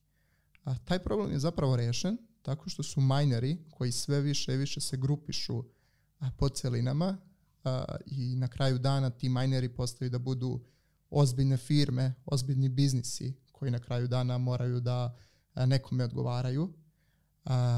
Šta su oni uradili? Oni su odlučili da zapravo transakcije koje se dešavaju preko Tornado Cash-a prestanu da ubacuju blokove. I samim tim došli smo do situacije da ti možeš da pošalješ transakciju ta transakcija se zapravo nikada neće desiti. E isto tako, a, kada gledamo spamove i kako je to rešeno u mailu, neko je napravio protokol koji kaže u, u redu, ukoliko se ista poruka sa iste adrese pošalje određen broj puta, što je lako potvrditi, a to se smatra kao spam. Na blockchain protokolu, koji je sam po sebi još otvoreniji i donekle decentralizovan, ovako nešto je još lakše uraditi i mogu, mogu da zamislim da će postojati grupe takozvanih minera a, koje će se time baviti. I ukoliko odluka bude da se radi filtriranje takvog nečega, u potpunosti je izvodljivo da zapravo te transakcije nikada ne završe na tvoj wallet ili ukoliko završe bit će označene kao takve i donekle će završiti u tvom nekom pod walletu. Meni je to super ovaj, što si pomenuo Tornado Cash jer se baš jasno ovaj, oslanja na ovu temu spama. Kad su ga ugasili, bio je ceo onaj, ne znam si ko ko je to uradio, ali je uzo i slao... Pa mislim da ne zna se. Da. Ne, ne zna se ko je uradio, ali je slao bukvalno spam Uh, ne znam, 001. Prljao je novčanike, prljao novčanike veliki, influencera, znaš, bukvalno tako, da im bude blokiran akaunt. Jer su blokirali akaunt, mislim, to je baš bio veliki moment, ono sad kao pričaš tu decentralizacija, tamo sve ide na AWS-u i onda AWS samo gasi. Zato I dalje, što... i dalje je veliki moment, samo što ne smemo baš puno da pričamo o tome, ovaj, u smislu Pa da, ne smemo da pričamo o tome kao zajednica, ne sad mi ovde za, sto, za stolom. Nego, da, da, mi smemo svašta. Ovaj, u tom smislu, da, Ima sad da je Tornado ovaj... obojao budućnost ili obojio budućnost ono, Ethereuma kao, kao ekosistema. Da, samo sam teo da dodam ono što je meni tu drastično drugačije u odnosu na celu tu email priču a, je da se sad ipak priča o decentralizaciji. Sa emailom nije možda postojao tako ja jak taj da narativ. Ja nisi pričao zato što ti je to bilo defaultno razmišljanje. Daću ti primjer Skype, Moguće. ti si rešio Skype kroz peer-to-peer uh, uh, mrežu, mrežu da, i, onda, i onda nisi ti pričao o decentralizaciji zato što, što se podrazumeval. Tek uh, pričaš o decentralizaciji kad neko uzme i centralizuje sve. da, da. Onda kao, čekaj decentralizacija, ali, ali ne, ne, naš, njima je bilo prirodno da razmišljaju decentralizovano, zato što ako pogledaš nastanke interneta, recimo Alan Kay priča o tome lepo, on je bio u fazonu, do tad si imao neke mreže koje su bile centralizovane, pa kao mre, networks, kao ne networks ljudske, nego je računarske mreže, pa kao ima star, ovo, ono, znaš, imao si neke harmonične sisteme. I onda on objašnjava da oni su bili nezadovoljni time i bili su u fazonu ljudska organizacija krenula kod njih drugačije taj kako se zove organizacija koja je radio, bili su u fazonu, haotično su se ponašali jer su bili u fazonu svi uređeni sistemi proizvode uh, mreže kao što su star, ajde mi da se ponašamo haotično i onda su napravili internet kao, jer, koji je prilično haotičan. aj tako da ali funkcioniše. I u tom smislu nije da nisi imao decentralizovanu priču, nego je ona bila normalna i u jednom trenutku je zbog raznih stvari samo to otišlo u pravcu da se centralizuje. Pa da, s tim da, da bi sad povukao ovaj, uh, tu neku granicu da je tada bila spuštena, mislim spuštena ili podignuta, kako hoćeš, na nivo inženjerije, a sada je spuštena na nivo korisnika. Sa, sada korisnici mnogo više. Korisnicima ne verujem da je bilo bitno da li je Skype peer-to-peer, verujem, verujem da bih već velika većina nije ni znala. Ali ja nisam siguran da koristi, zato što korisnici svedoče što je Luka rekao 70% i koristi Coinbase. Tako Ali da... imaš 30%. Mislim, ne znam, uh, ipak se više priča o tom. Samo, samo mi je to utisak. Da... Znaš što može isto bude problematično? Ovaj, to je, baš, skoro se pričalo o tome, ali iz nekog razloga ovaj, konverzacija dosta zamrala, koliko sam primetio na internetu. To je ovaj regulativa što je EU pokušava da progura ili je progurala, nisam siguran dok su stigli ovaj, a to je da praktično zabrane ovaj hosted wallet ili ono što mi kažemo, tako ih oni nazivaju, ali to su ovaj, self-hosted da, wallet. Da, non-custodial wallet tehnički. Mm -hmm. ovaj, gde bi napravili neku, da kažem, mrežu između ovaj, exchange ovaj, i sličnih ovaj, velikih provajdera i ti ovaj, ako nisi, ako tvoj wallet nije deo te mreže, ne bi mogao da, da pošalješ ili primiš novac preko njih. Ovo ovaj, što isto dosta može da, da bude opasno da, da vodi ka centralizaciji. Da, to je zanimljivo kad mešaš problem i rešenje. Meni je okej okay da ti ovaj, rešiš problem, a to je da znaš ko je iza voleta, ali ne moraš da ga na centralizovani način rešiš. Ovaj, možeš da ga rešiš kroz neki ono NS ili KYC neki, ali da ja i dalje kontrolišem apsolutno wallet na decentralizovan način. Pa Binance je već počeo da radi ovaj KYT sad, kao know your, know your transaction ovaj, kada, to sam primetio baš sad u posljednjih mjesec dana, kad da. hoćeš da pošalješ novac sa Binance-a, ovaj, pitate kome šalješ, je li to tvoj wallet, je li to wallet nekog koga poznaješ, je li to, neči, je li to exchange, šta je. Tako A hoćeš da, da izađeš iz sistema, reci nam da, da, da, kao, zašto gde, ideš, tvoje zašto? da, da. Da, Što mislim, još gore da nego čak, Mislim da čak ima i polje kao zašto, ono, kao zašto šalješ ovu transakciju, tako nešto, sad zaboravio sam tačno koja su polja, ali znam sigurno da te pita ovaj, kome šalješ. Kao. Mislim da će tu biti Tetki, dosta... mislim. Amo za tetku, ne, nije kao problem. Dosta zanimljiva upotreba zero knowledge tehnologije. Ovaj, pomenuti Polygon. Polygon ID je, na primjer, wallet koji je re, e, pokušao da reši identitet. I oni funkcionišu na način da ti zapravo da bi to koristio, na kraju dana radiš neki KYC. I ono što mislim da nek, kroz nekih 5 do 10 godina jeste da većina tvojih voleta će da ima KYC, a da će jedino pitanje biti zapravo šta ćeš ti nakon toga deliti sa drugim, sa drugim organizacijama.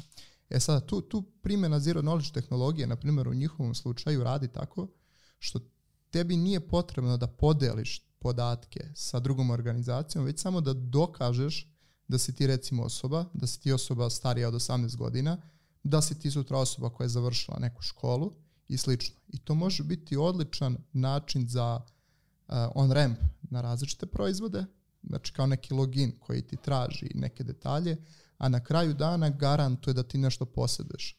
Isto tako kroz tu tehnologiju ti možeš da ekspozuješ ne znam, vladinim agencijama ili kako god, da on ipak taj protokol sam po sebi garantuje da na toj mreži nemaš dve iste osobe sa identitetom, jer ti jednom kad uradiš KYC, to su tvoji podaci koji mogu jasno biti preslikani a, i možeš biti jedinstveno viđen u celom sistemu, a, a opet a, nećeš deliti redom sa svim, sa svim zapravo protokolima, firmama sa kojima ti interaguješ. E tako takav wallet sutra može biti iz njega izaći nešto i tvoj personalni email, a tvoj personalni a rekord, ne znam, obrazovanja, employmenta i sličnih stvari. Jasno. Uh, pa da, zero knowledge je generalno zanimljiv u smislu, baš to, on je samo rešenje koje nudi performantnije stvar koju su neki nudili kroz sertifikate ili neš, neke druge stvari, kredencijale. Zaboravio sam kako ceo pokret 2017. je bio oko toga bilo. Ona je consensus backed firma uh, na U ili nešto. Nema, sada je ne googlam.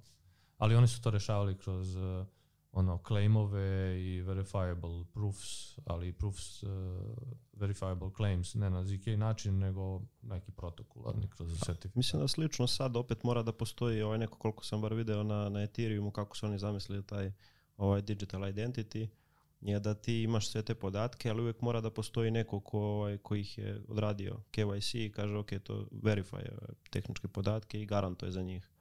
Ovaj, sad ti samo pitanje je da ovaj, koliko deliš posle nekome, to može da reši ovaj, zero knowledge, ali mislim da i dalje ne može toliko u ovom trenutku da se reši da mora opet neko da to pogleda i neko mora da kaže ok, to je, to je sve u redu. Šta se, Pa teo sam da kažem se vratimo na valet. šta se dešava kad Google izbaci svoj wallet? Ako, ako već nije, a ne znam. Onda dešava se da i Apple izbaci svoj wallet? Ili će to da inkorporiraju osta, u neki svoj centralizovani drugi wallet ili će da to pristupe drugačije? Šta vam je hunch?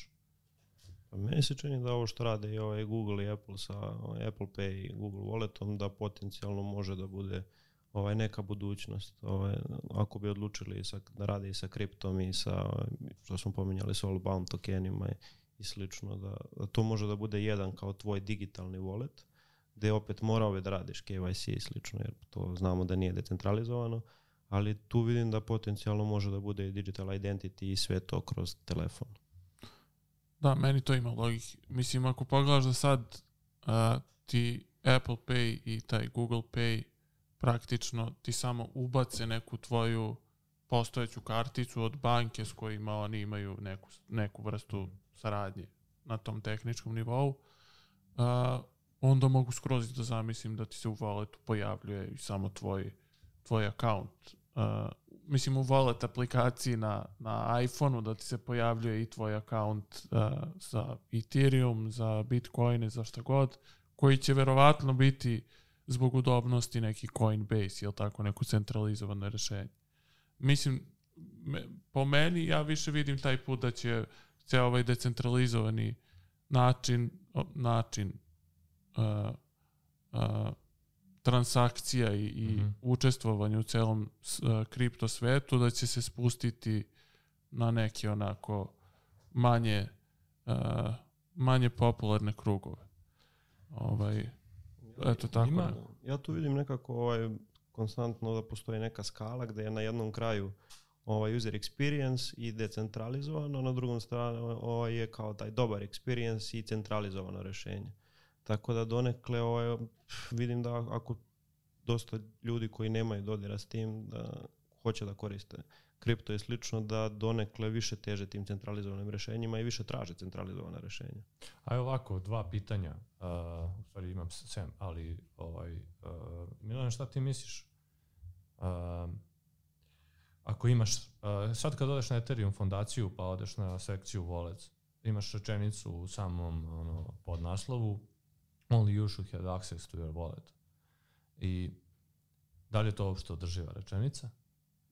Aj, posle ću da te pitam drugo pitanje. Pod pitanje. Pod pitanje. Znači, da li uopšte je održiva rečenica da samo ti treba da imaš pristup svom voletu? Pričamo o da li je to moguće? Mislim, mm. trenutno jeste, nego da li je održivo na nivou cele civilizacije? Da, da. Na, na nivou cele civilizacije da mi možemo volete posmatrati da su relativno nova stvar, u smislu nova na nivou civilizacije, mm. znači nešto što je krenulo 2008.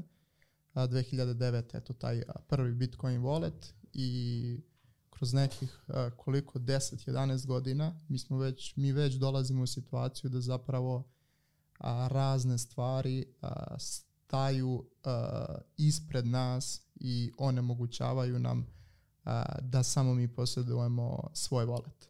Tako da u nekom periodu koji, koji na kraju dana nije uopšte veliki. Mislim da imamo previše prepreka, iako ad, adoption raste i dalje nije toliko veliki. Znači imamo poređenje da Visa obradi dnevno 700 miliona transakcija, dok Bitcoin obradi 400.000 transakcija. Znači to su veoma različite mere. Već imamo previše problema i mislim da smer u kome sve ide jeste da stane na put tim stvarima. Znaš, u kom kontekstu mi je ovo interesantno? O, u tom smislu što ti početna teza Bitcoina, pa i danas to traje, a i za Ethereum mislim da je dosta slično, je ti kroz ta rešenja imaš suverenost na nekoliko načina. Kako si ti mogu da izgubiš vlasništvo nad svojim novcem pre, pre toga je tako što ili prosto izgubiš to vlasništvo ili ti neko uzme, ili ako ne može da ti uzme, on napravi inflaciju, aj tako da kažem, i onda tvoj novac izgubi vrednost. Pričamo o novcu, ne sad o nečemu drugom, nego taj novac je mogo da izgubi vrednost na hiljadu različitih načina. I onda Bullet, Bulletproof, makar smatra Bitcoin ekipa, je tako što napravili su i ekonomiju i vole ti, ti u suštini na, ono, imaš neotuđiv novac koji ne može ni na jedan način da ti se ukrade, jer niko ne može da ga otme, niko ne može da ga i, ne, kroz inflaciju pojede ili na bilo koji način. I sad, a, ti deo po deo toga možeš da okrnjiš, jer a, ono, ako ti uzmem vlastištvo nad voletom, tako te krnjim, ali mogu i kroz to da ti ni na kraju dana nemaš Bitcoin, nego imaš neki drugi token koji ima inflatorni model kao što je CBDC ili tome slično. Tako da, ono, ono, ne bi me čudilo da završimo na istom mestu samo u drugim tehnologijama uh, kroz neko vreme. Znaš, samo imamo drugo rešenje i drugačije ga zovemo, ali znaš, vratit ću se na onog Alan Kea koji ono, mislim da i dalje živ dan danas ono, je nezadovoljan u kom pravcu je OP otišao, otišao ili ono, da, da. arhitektura softverska, jer to nije bilo zamišljeno tak, tako. Uh, I to je, mislim, na kraju dana veliki izazov, nego treba da ga pomenem. Ovaj, nisam siguran da volite kao cornerstone toga, okosnica, i na njemu se dosta dobro vidi u kom pravcu kripto ide i dosta indikativno i to za Coinbase Wallet. Nije to samo zato što je Coinbase najglasniji u marketingu, nego zato što je očigledno nudi nešto što korisnicima generalno prija ovaj, taj vid ponašanja. Meni je tu... E, u tom smislu samo sam teo pitan drugo pitanje, Milana, a, pit, a to pit. je ako nemamo decentralizaciju voleta, ako se ona izgubi, šta je to što je zanimljivo u Web3-u za sve te korisnike kojima je to nebitno? Da, Kao, znaš, da. ono, mene ne zanima da ja -hmm. nemam vlastištvo nad tokenima uh, ili sve to, ok sam sa nekim centralizovanim rešenjem, šta njega interesuje? Da, zapravo mislim da je to uh, pristup uh, pristup uh, pristup novcu kad kažem pristup mislim na jednostavnost uh, korišćenja. Znači mi imamo slučaj gde dosta ljudi, na primjer kriptovalute, pored paymenta su iskoristili kao vid špekulacije a, trgovine. A, zašto, na primjer, mi u Srbiji ne trgujemo a, toliko često akcijama? Ne trgujemo uglavnom zato što je do toga veoma teško doći.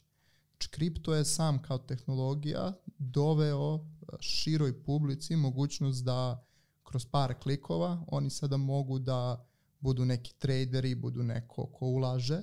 Zanimljivo je da zapravo sve te akcije sada počinju da se preslikavaju jedan na jedan sa digitalnim tokenima. Tako da mi sada, recimo iz Srbije, možemo da trgujemo uh, za pola sata sada uh, Facebook akcijama, uh, Google akcijama, nešto što u tradicionalnoj trgovini nismo mogli. Imali smo tako slučaj. Teško do, je bilo. Da, da, da. Isto tako za razmenu novca, znači da bi neko poslao, poslao bankovnu transakciju, do samo pre par godina to nisi mogao da uradiš, ne znam, vikendom ili si čeka ako uradiš nakon pet, čekao si settlement ujutru ili je bio problem koji su iznosi.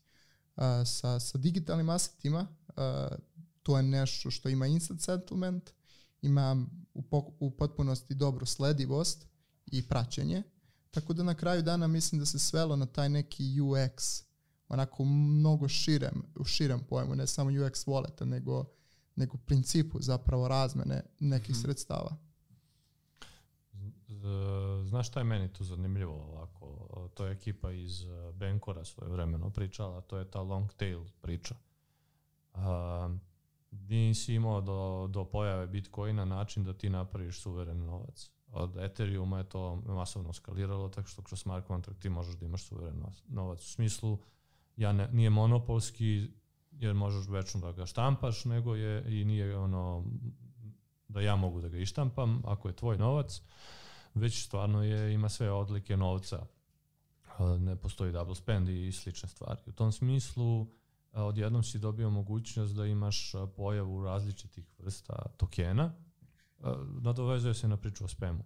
I onda ljudi, na, i ako nema decentralizacije, aj tako da kažem, su u mogućnosti da naprave sad svoj neki novac kao organizacija ili novac, mislim token, kako ga dođeš. I to mi je interesantno i u slučaju da nema decentralizacije. Dovodi su u pitanje koliko mogu da ga kontrolišu na kraju dana.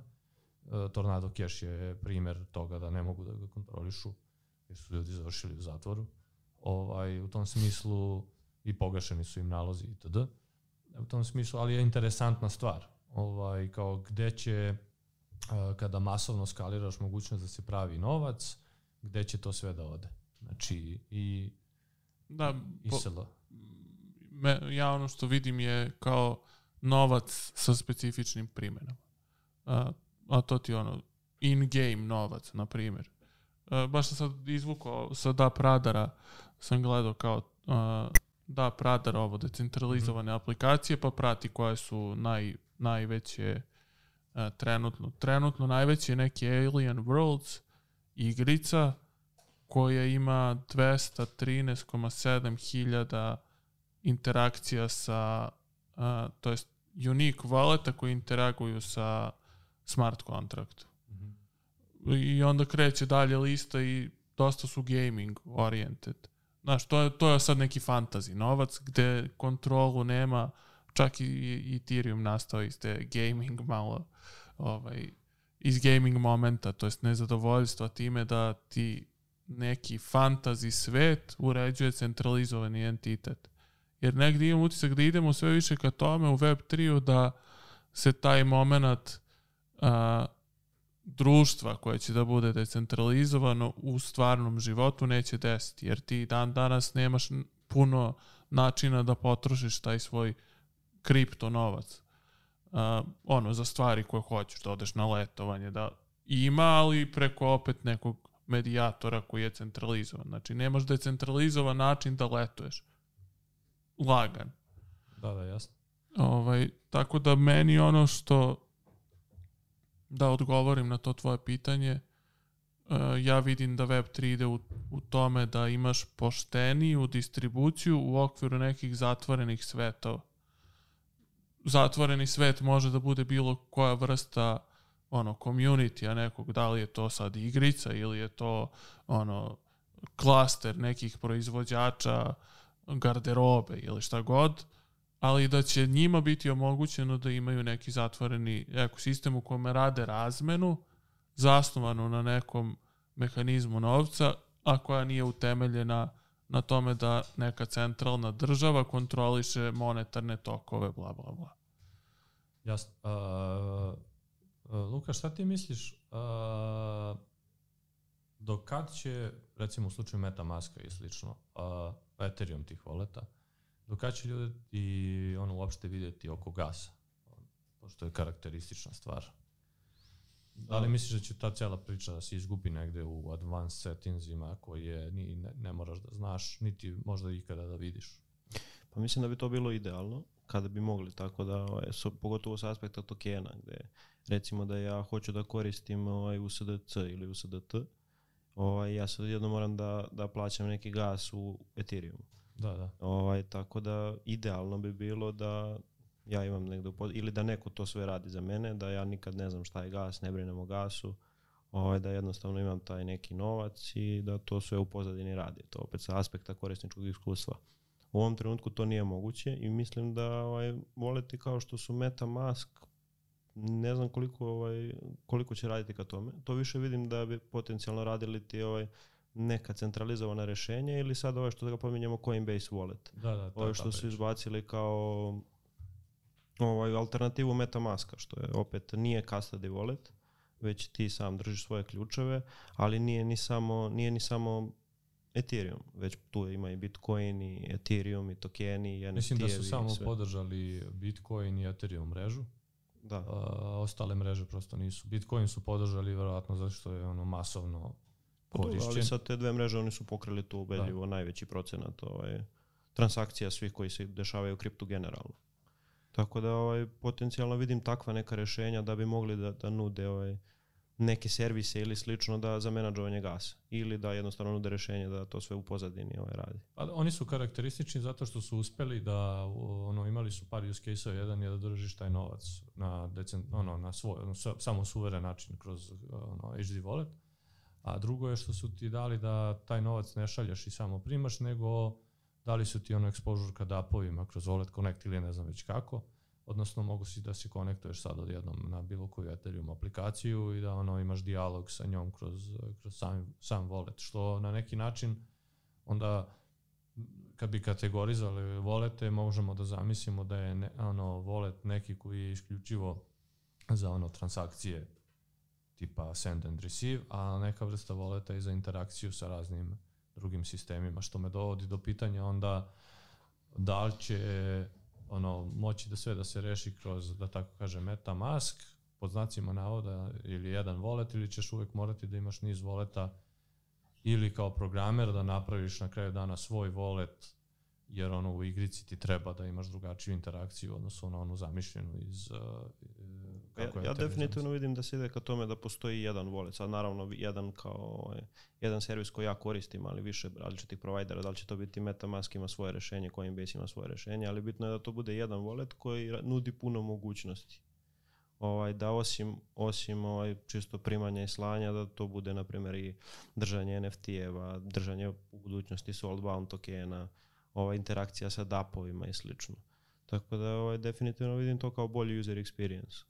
Misliš znači da će uvek ljudi konvergirati ka tome da imaju jedan wallet? Defin, mislim to je loše naravno sa, sa aspekta da onda ovaj, pada u vodu sva ta priča o decentralizaciji i slično, ali opet mislim da, da je jednostavno ljudima će biti lakše. Tu je mnogo dobar, dobar primer zapravo nečega što se već dešava dugi niz godina na tržištu koje, koje bih rekao da, da inovira, a to je, a to je WeChat i Kina.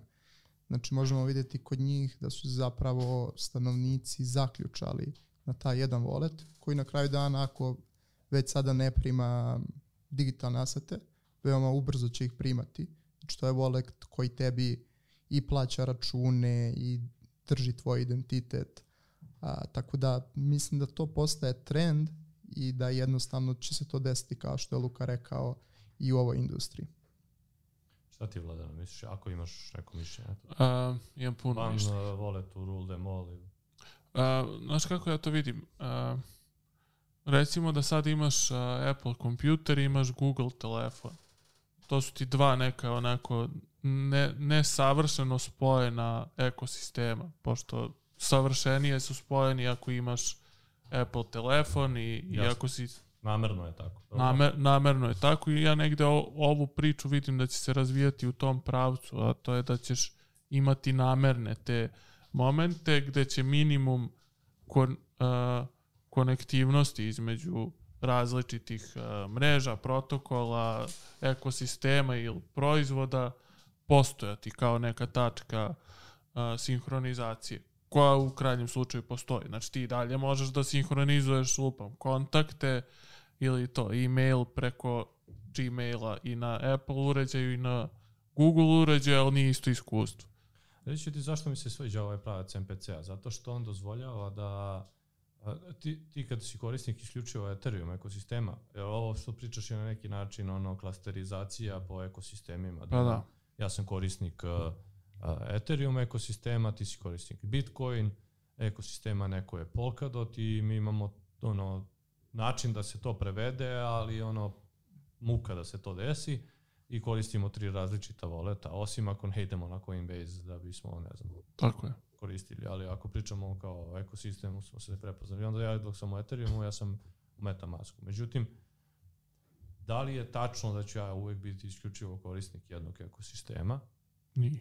E, u to, tom smislu veliki problem su ti cross-chain voleti. Odnosno, a, voleti koji treba podrže ovo što smo rekli Bitcoin i Ethereum, ali puta 10 ili puta 20 a da budu i održe decentralizovanost, suverenost i slično tome. Da, u tom smislu mi se sviđa MPC, jer ako ta mogućnost nam pruža da i dalje ostavimo neki nivo decentralizacije, a, ona je vrlo zanimljiva u odnosu na to da ono imamo 20 različitih implementacija svega. Ne znam da sam pogodio kako bi to MPC mogao da reši, ali u tom smislu mi je bio zanimljivo da ga prodiskutujemo malo. Da, to, to, to je dobar način razmišljanja i vratio bih se malo na pitanje i o gasu.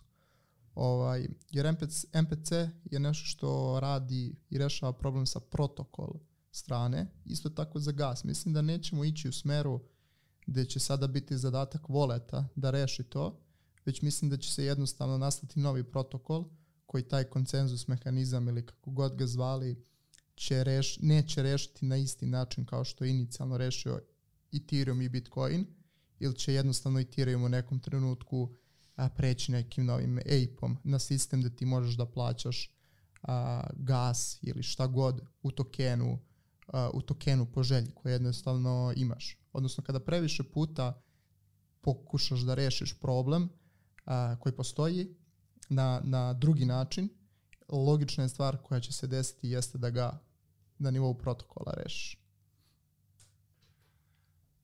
Jasno, ovaj, da se vratim na ovo pitanje, only you should have access to your wallet. Uh, meni je jasno šta je Vlad? Pa ne, pa već i to pitanje. Da, jer se oko njega vrti ceo wallet. On je nastao i svi ti Ledger, Nano i, i ono, nismo na kraju kategorizovali wallete, da li su hardverski, so, hot wallet i hot hot wallet ili su neki mobile wallet ili su built-in browser wallet ima ih koliko hoćeš i ako ostane vremena možemo da ih prodiskutujemo, ali poenta je svodi se na to da li je only have access to your wallet fundamentalno na kraju dana.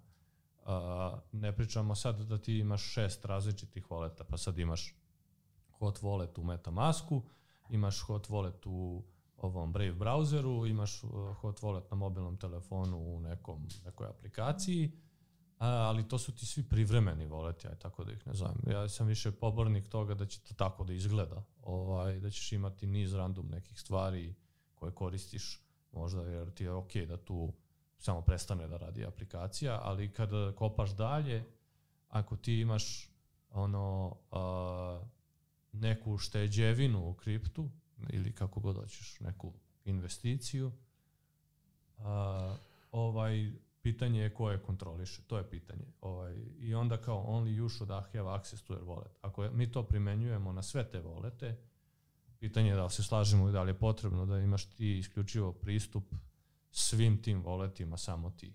Kapirate, ono možda je Tako tebi ok, možda je sasvim ok da u browser voletu to ne bude tačno. Ali, a, tako da je ova rečenica upitna kad je skaliraš na korisničko ponašanje, korisničko, ljudsko ponašanje. Ovaj, možda je, a, ja mislim da je ona primenjiva i fundamentalno bitna za ono kao asete. Znači, da li ti za te tvoje asete koje, koji su kao 90% svojih aseta koji su, koji su u kriptu, treba da budeš jedini koji ima akses. I tu se, tu, tu je onda zanimljiva ta teza, znaš, ovaj, Jeste. I onda Ledger Nano dolazi kao opcija i onda se vraćamo na one sidove i onda dolazimo u recovery faz, phrase i ono social recovery i celu priču koju smo pričali. Jer social recovery za 50 dolara možda i nije bitan, Um, I tu podrazumeva da su je reč o nekoj većoj Tako relativnom je. smislu. Neko ko ušao rano u kripto. ne, u tvom životu, šta god to značilo. 1000 dolara. Ovaj, to za tebe je 1000 dolara social recovery jako bitan, jer ono, izgubit ćeš ono, dve plate u Srbiji, ovaj, što uopšte nije malo. I u tom smislu, ono, ja stalno se vrtim oko toga da li fundamentalno ti te asete treba kontrolišeš isključivo kroz svoj wallet ili ne. Uh, ne, da. nemam odgovor, znaš. Meni je to uvek pitanje kao zašto ulaziš uopšte u kripto. A, kao, s kojom idejom ulaziš. I onda ako kao si ušao zbog neke trgovine, onda su ti baš bitne sve te stvari. Ako si ušao zbog štednje, onda su baš bitne, ali ako si ušao u igricu, dobro, zavisi, ako si klinac, to ti je i dalje veoma bitno. Ali nije samo zbog vrednosti, nego relativne vrednosti u tom, tebi je jako bitno da on ne može da ti pomeri NFT ako ti ne želiš Jest. da ti pomeri NFT. Tako. Uh, tako. On makar vredao 10 dolara. To je meni najveća... Ili nik, nikakvu cenu, ili nema cenu. Tako u tom je, smislu ta rečenica je onda primenljiva i tu. I mi sve vreme se lomimo oko toga u kom pravcu će Web3 da krene. Će da krene u pravcu da ono ide u smeru ono Uniswap pave, da samo ti na neki način kontrolišeš celu priču, da vrlo svesno znaš šta su rizici ulaska tu, ili ćemo da idemo u to da su prosto ljudi ono evil and dumb, što je premisa weba, ovaj, da su ono, zli i glupi. Ovaj, znaš. Ja sam ba, baš iz tog nekog razmišljanja i došao do tog zaključka da a, da će da, da treba da ostane tako, da treba da to bude tvoje, u smislu tvoje, da je decentralizovano i da, da ga niko ne kontroliše, ali mu najveću primjenu u budućnosti na, u, kao na masovnije vidim u tim nekim zatvorenim ekosistemima, da to bukvalno kao što si rekao, ne mora da ima finansijsku vrednost nešto, nego ono, ima vrednost za tebe kako god da si ti definisao tu vrednost. Ono, kao. E, imam jedno pitanje i ovaj, da privodimo kraju. Uh, Milane, uh, trenutno kad hoćeš da programiraš, ono kao programer uh, ili programerski tim, startup, šta god, uh, kako se barata voletom, odnosno šta ti tu možeš da podrazumevaš i kako da se ponašaš, jel uh, moraš praviš svoj volet sistem ili možeš da koristiš neke toolove, servise, znaš, ono, uh, kako, koji su problemi i izazovi na koje ljudi nailaze? Jasno, jasno. Da, znači trenutno kada se pravi, uh, pravi wallet sistem od nule, uh, najveća, najveća stvar o kojoj treba voditi računa jeste bezbednost i prakse koje, koje treba da se poštuju i koje su zapravo sistemi koji su došli pred nas uh, veoma, veoma uh, dosta platili. A, tako da nekog uh, universal toola uh, trenutno ne postoji za pravljenje voleta. Ono što je mana jeste treba da se ide od protokola do protokola. Znači Bitcoin ima neka svoja pravila koja treba da se poštuju a, kako, bi, a, kako bi se napravio wallet. Ethereum isto tako. A, generisanje ključeva na isti način, gde ukoliko se vratimo i koristimo taj protokol, upravo iz tih security razloga, a, mislim da su male šanse da ih ispoš, ispoštujemo sve, Uh, menjačnica poznata Empty Gox je, na primjer, hakovana i po sadašnjoj negde vrednosti to je 600 miliona dolara iz jedne isključivo security uh, propusta generisanja random brojeva. E sad, ako se bilo koji developer vrati unazad i pokuša isto to da uradi, naleteće na isti problem ukoliko to protokol, taj propust nije uradio. Tako da mislim da tu, u, što se tiče developerskih toolova, da ima dosta prostora da se napravi jedan tool uh, koji će zapravo developerima dati mogućnost da a, pravi univerzalne volete na različitim chainovima, što bih rekao da se svi negde slažemo da je dobro imati a, cross-chain ekosistem, ekosistem sa dosta, a, sa dosta različitih a, protokola i da tu definitivno ima prostora za inoviranje. Luka, ali imaš ti tu nešto, neku svoju refleksiju?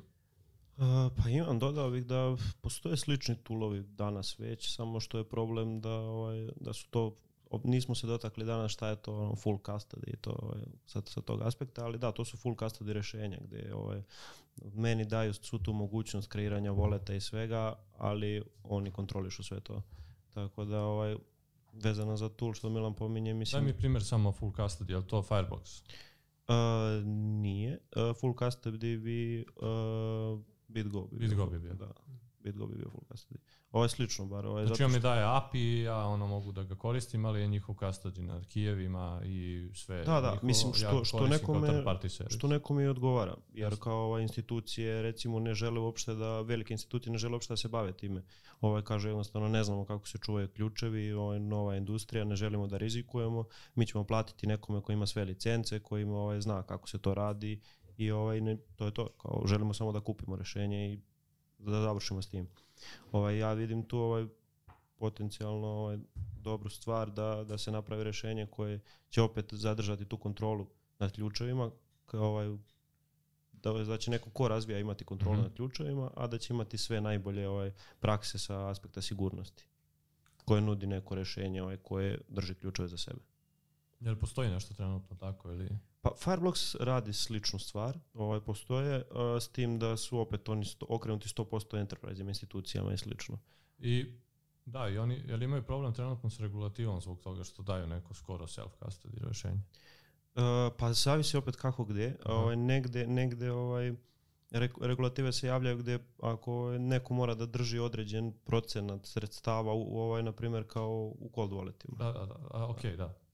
Ovaj, tu postoje, postoje problema sa regulativama, oni donekle pomažu enterprise-ima da, ovaj, da idu ovaj, od regulative do regulative i slično, ali dosta stvari ovaj, kao daju, daju rješenje i kao enterprise sami moraju da se donekle menadžuju te sve stvari. Cool, to je isto zanimljiva tema, možemo je podobiti u nekoj drugoj epizodi, ono, ceo self, sve ono, uh, full custody versus self custody, nismo sad stigli, nažalost. Ostavit ćemo neke linkove u, Ostavit ćemo link u opisu. u opisu to.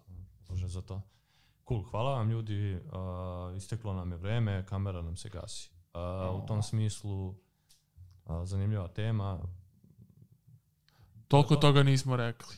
pa nismo rekli, ali dobro. Zato što je preširoka tema. Tako da, hvala, odjava.